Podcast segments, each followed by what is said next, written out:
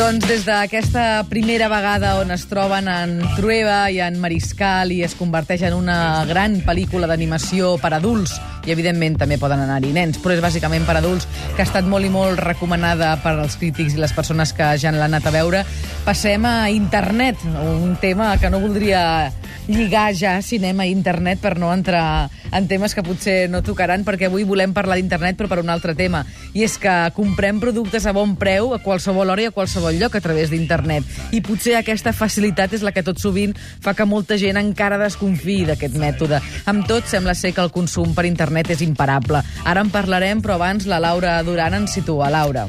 Bon dia. Segons algunes estimacions, a Espanya hi ha 27 milions d'internautes i un 42% ha comprat alguna vegada a través de la xarxa. Es calcula que el comerç electrònic va moure 725 milions d'euros a Espanya el 2010, un 5,8% més que el 2009. El 70% de compres en botigues físiques van precedides d'una consulta informativa a internet. Segons un estudi de la consultora DBK, la venda de viatges online a Espanya creixerà un 12% aquest 2011. I un estudi de JP Morgan preveu que el 2011 el comerç electrònic mundial creixi gairebé un 20% i mogui 514.000 milions d'euros.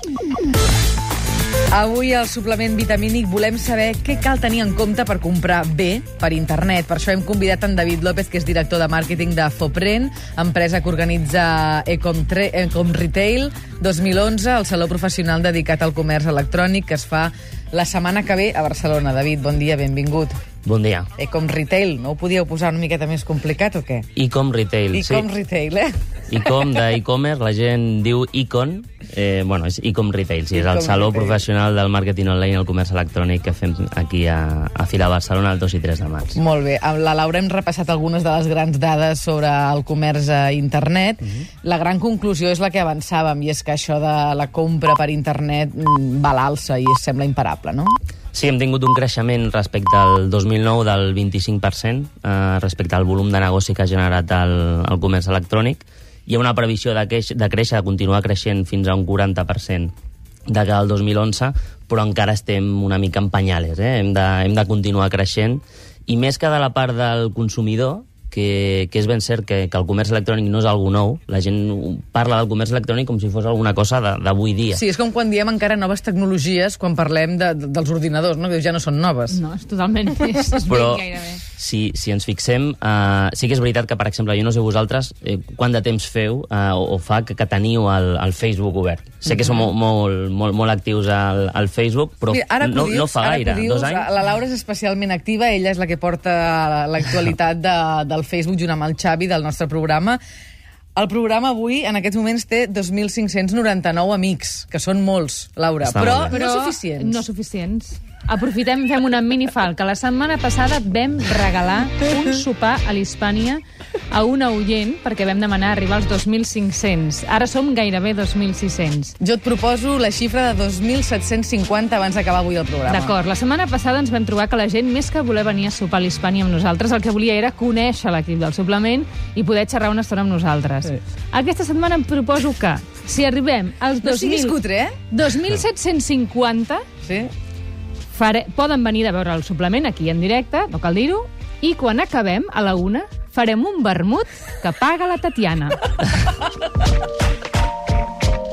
Fet aquest break, podem continuar, si vols. Eh? Però, perdona, que perdona, quedi clar, perdona, quedi eh, que, clar. No, no, no, ara no. estem fent una cosa que no toca, però... Quedi clar. Eh, quanta gent pot venir? Perquè, clar, aquestes normes, qui pot venir? Fem el mateix que la setmana passada. Sortejarem el, el, 20 llocs exacte. Però públic. farem un sorteig des d'ara i fins a la una del migdia. Tothom Val. que es faci amic del Facebook a la pàgina del suplement entra en un sorteig i farem que vingui aquí a conèixer l'equip i a fer un vermut. Serà una persona que vindrà amb un acompanyant. Seguim. D'acord, continuem, perquè això és més matusser, de veritat. Eh? Continuem parlant de les compres per internet.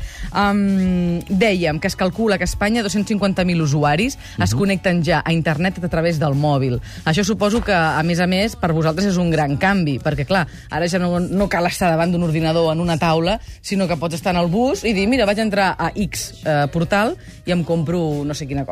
Sí, és el, el Chris Anderson, l'autor de, de Long Tail eh, i del llibre Free, que fa poc va tenir bastant d'èxit, mm, va fer a la revista Wired un, un article que deia que, que la web havia mort va ser una mica sensacionalista, però realment ella, ella referia que ens connectem a, a internet no via el navegador tradicional de tota la vida, no davant d'un ordinador, sinó via les aplicacions. Jo tinc el meu Facebook al, a l'iPhone, el meu Twitter a l'iPhone, no em connecto mai a l'ordinador per connectar-me a aquest tipus de, de xarxes socials, i així eh, podem comprar ja via, via mòbil, podem accedir... És, diguéssim que és la revolució de les aplicacions, eh, de les apps, eh, que això serà una de les tendències durant el 2011 eh, de cara al comerç electrònic. És el mobile commerce, que li diuen. Perfecte, molt bé. Aquesta és una dada que hem de tenir molt en compte. Tenim altres dades també que s'extreuen de les conclusions de l'enquesta feta per l'Associació per a la Investigació de Medios de Comunicació, que són la gent que fan els EGMs també, que potser entre els nostres oients són més coneguts, els usuaris d'internet del 2010, i per exemple es diu que es mantenen les primeres posicions en els productes que són habituals de compra a internet, com són els bitllets de transport, l'allotjament, l'electrònica, les activitats d'oci, els ordinadors i perifèrics, o sigui, el mouse i El mouse, històries sí. d'aquestes. Sí, és el que comentava abans. El, el comerç electrònic no és una cosa de- d'avui, que ha nascut avui. Està de moda, però està de moda un tipus de comerç electrònic, el comerç electrònic físic.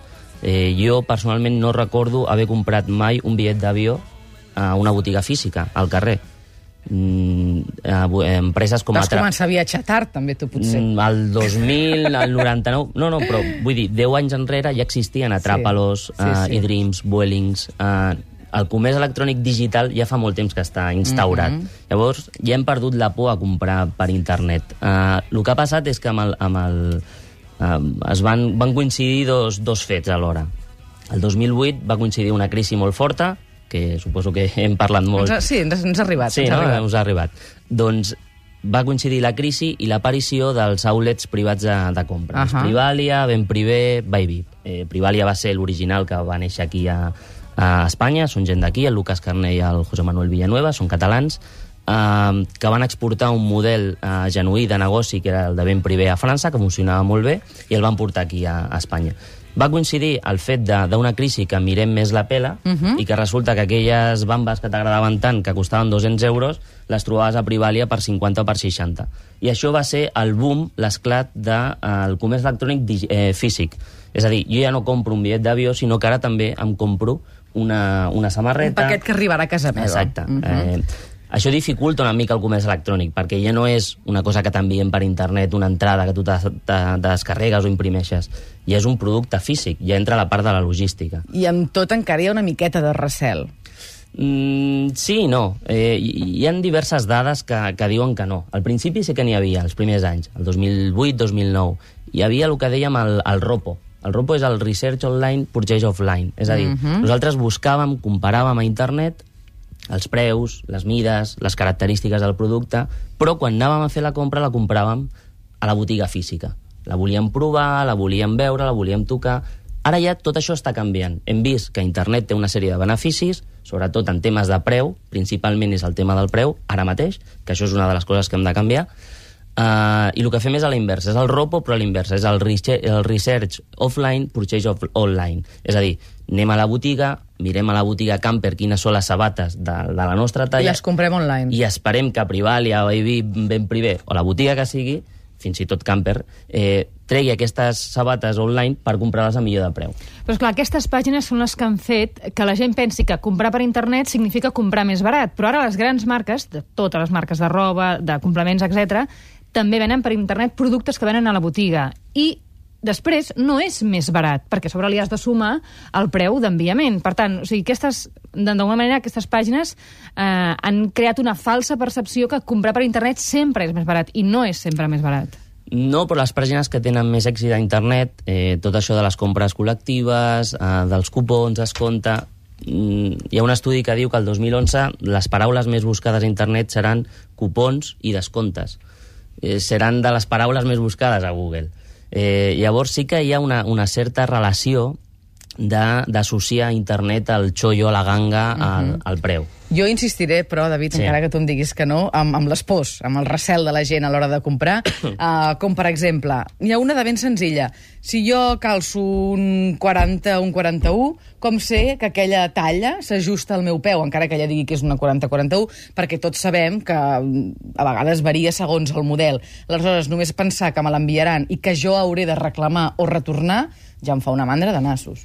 És un tema de cultura. A països, parlàvem de que les xifres del comerç electrònic a Espanya estan en 10.000, 8.000 milions d'euros. Uh, som, estem a la sisena posició del rànquing europeu de comerç electrònic.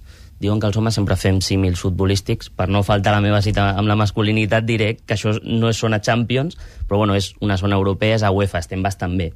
Però si mirem realment les dades, el 10% que representa el volum de negoci d'Espanya a tot l'estat europeu és el 4,5%. Uh -huh. És a dir, a països com el Regne Unit estan en xifres de 50.000 milions d'euros, de, de Alemanya en 39.000 i França amb 30.000. És el 70% de, de, tot, de tota Europa. Nosaltres representem, representem el 4,5%. Això què vol dir? Que tenim una falta de cultura. A Alemanya, al Regne Unit, a països on està ben establert el comerç electrònic, la cultura de, de que t'envien un producte, te'l provis, no et funciona i te'l canvien, Això vols dir que ja hi arribarem? Que ja estem arribant? estem arribant. Hem, hem d'anar pas a pas. Hi ha alguna manera de saber que estem en una, en una web que sigui absolutament legal i de fiar?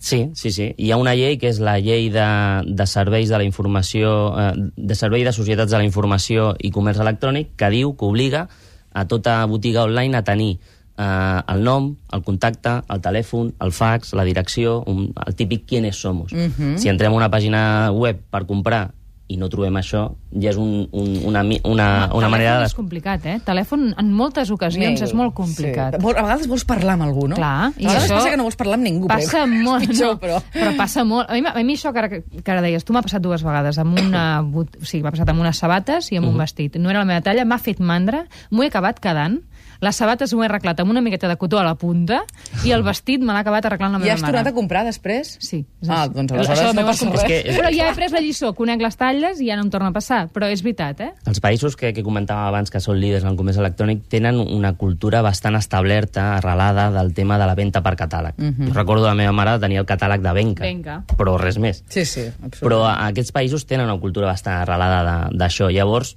és un començar. Com he dit abans, estem començant i, bueno, eh, hem, hem de fer camí. Doncs nosaltres el que farem és començar i començar amb experts com en David López, que ens donen quatre claus sobre què han de tenir aquestes webs perquè siguin de fiar, perquè no tinguem problemes, perquè puguem reclamar, perquè sapiguem que faran un bon ús de la nostra targeta de crèdit, si aquest és el sistema de pagament que estem fent servir, i el que és inevitable i el que és irrefutable és que la compra i la venda online va a més i, per tant, sembla que ens haurem d'adaptar si volem continuar vivint a la nostra era. Uh -huh. Eh que sí, David?